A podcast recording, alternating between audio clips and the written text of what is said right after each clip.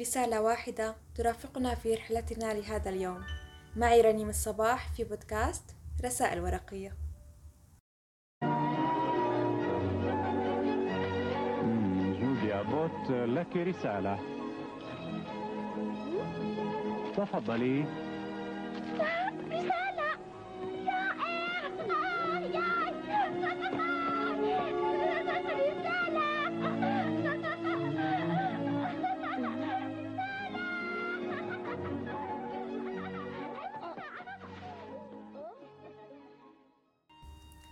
ستنتهي إجازة العيد بعد قليل. التاريخ الدقيق غير معلوم. والدي العزيز طويل الساقين. الأرض كلها مغطاة بالثلوج وكل ما أراه حولي من برجي العالي يعم ويتألق ضياء في اللون الأبيض. والبرد ينزل على الأرض كأنما هو حبات الفيشار. إنها بعد الظهر الآن والشمس تشرع في المغيب من وراء بعض الهضاب.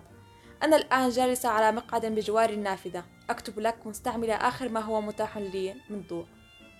رحلتنا اليوم في عالم صاحب الظل الطويل.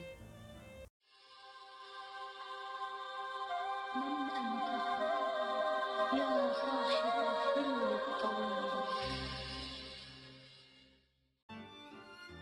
نبدأ بالرواية المكتوبة على شكل رسائل رقيقة متتابعة لكاتبتها جين ويبستر. حمل الكتاب في نسخته الأصلية ذات عنوان Daddy Long Legs وترجم للعربية تحت عنوان والد طويل الساقين. لتنقلنا الرسائل اللطيفة التي تصف أيام جودي أبوت إلى عالم آخر. والدي العزيز طويل الساقين هل سمعت من قبل عن المدعو مايكل أنجلو؟ إنه أحد الفنانين الذين عاشوا في إيطاليا في القرون الوسطى ويبدو أن كل من درس الأدب الإنجليزي يعرفه ما عداي. فقد ضحك الفصل كله عندما قلت أنه اسم أحد الملائكة. الشيء الوحيد الذي يعيب الدراسة في الكليات هو أنه من المفترض أن تعرف كل شيء.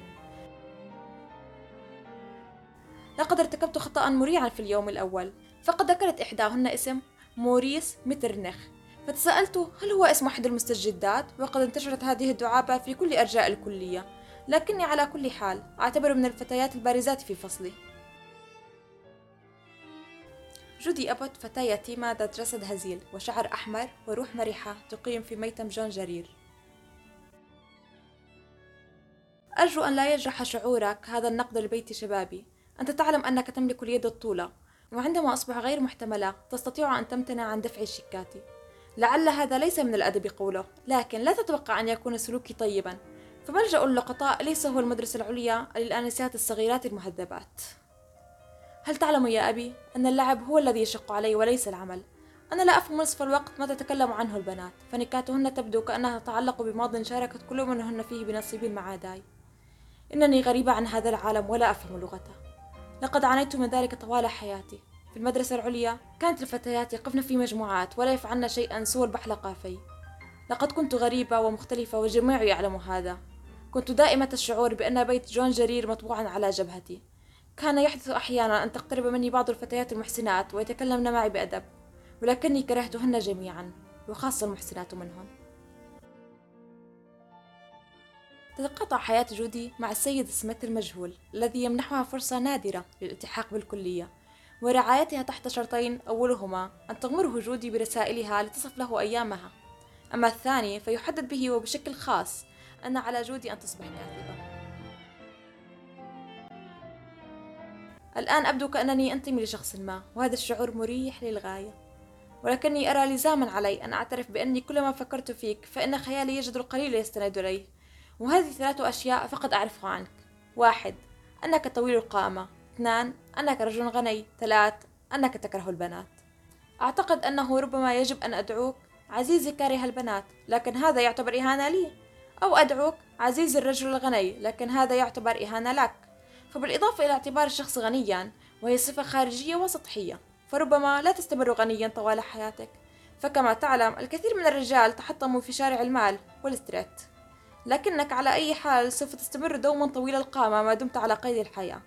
لذا قررت أن أدعوك والدي العزيز طويل الساقين.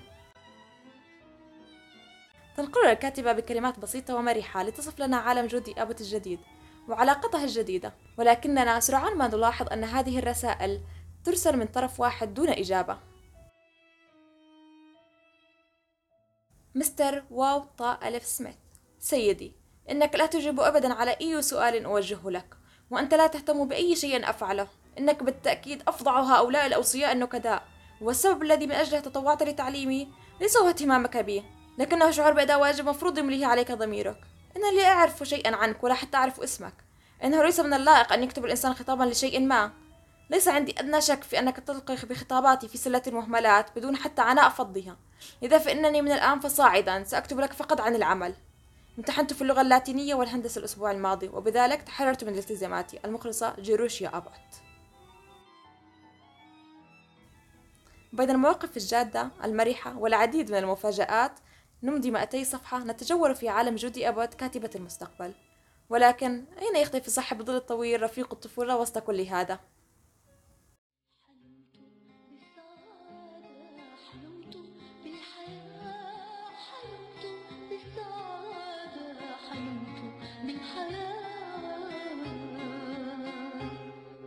وسدت الدروب واشتدت الخطوط. فجئت من فراغ فتحت لي الأبواب ملت لي العطايا لتنزل الأحلام وتضحك الأيام يا يا صاحب الظل. تم اقتباس العمل الياباني من الرواية الأصلية مع المحافظة على تفاصيلها. ليدبلج لاحقا ويعرض على قناة سباستون محققا نجاحا كبيرا ويصبح صاحب الظل الطويل رفيقا للأطفال وإشارة لأحلام الكبار. أما عن تقييم العمل فالرواية مناسبة لعمر 13 عاما وما فوق لبساطة لغتها ومفهومها وهو ما يحسب لها وكان سبب رئيسي لشهرتها رغم مرور كل هذا الوقت منذ نشرها للمرة الأولى.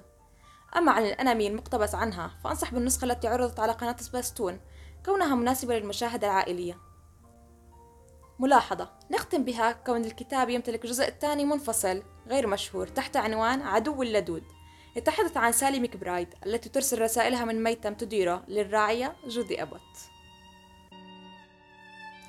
هنا نغلق رسالتنا وأترككم للقاء آخر ورحلة أخرى. في أمان الرحمن. اطلبي ما تشائين. شاي من فضلك. اسمعي جوزي أنا من سيدفع ثمن الشاي.